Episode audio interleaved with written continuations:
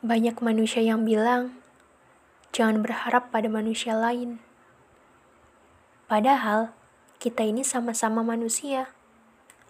Lucu sekali kehidupan saat ini. Aku tertarik padamu. Mungkin bukan hanya sebagai sahabat, apalagi teman. Aku pikir kita ini terlibat ikatan batin. Aku tahu ini semakin tidak jelas, tidak karuan, dan terkesan rumit.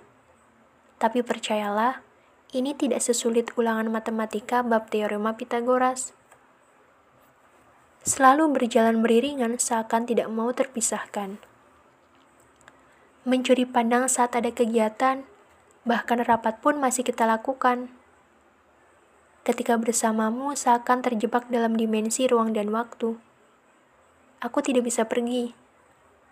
Ketika sendiri pun aku berpikir, apa kamu juga memikirkan hal seperti itu? Aku rindu masa sebelum pandemi, saat gerbang sekolah masih terbuka lebar untuk didatangi.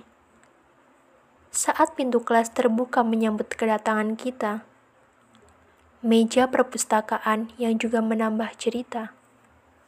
Oh iya, jangan sampai dilupa.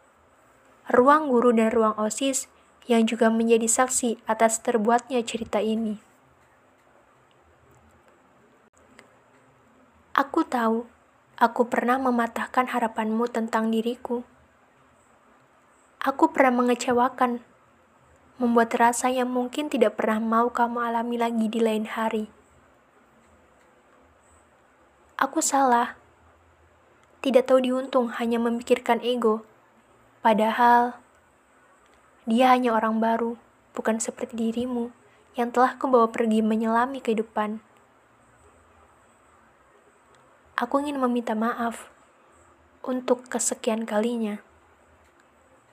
Termasuk meminta maaf telah banyak cerita ketikan yang telah kubuat atas dirimu.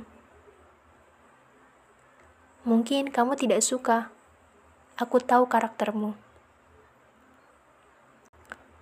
Kita yang sama-sama memperhatikan terlibat adu pandang.